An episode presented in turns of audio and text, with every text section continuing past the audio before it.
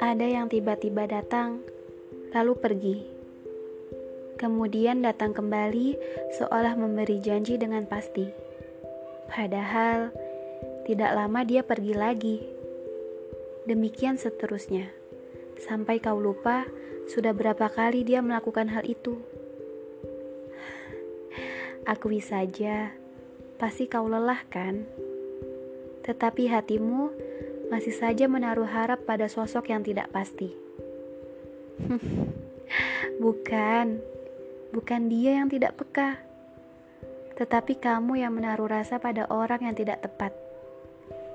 Sekuat apa pun kamu menunjukkan perasaan itu, bila dia tidak ingin, maka kamu hanya dianggap sebagai angin.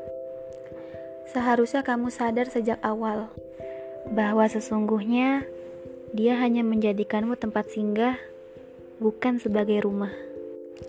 Dipaksa pun akan terasa percuma, sebab tujuan akhirnya bukan pada dirimu.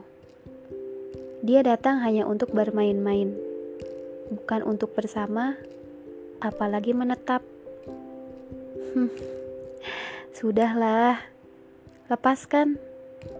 Digenggam sekuat apa pun, dia pasti akan hilang bersamaan dengan harapan yang kau bangun bersamanya. Berilah dia pelajaran supaya dia lebih menghargai tentang kehadiran, bahwa dalam hidup seseorang tak ada yang bisa seenaknya berlagak sebagai seorang tuan, karena siapa pun boleh mampir, asal tidak seenaknya melipir.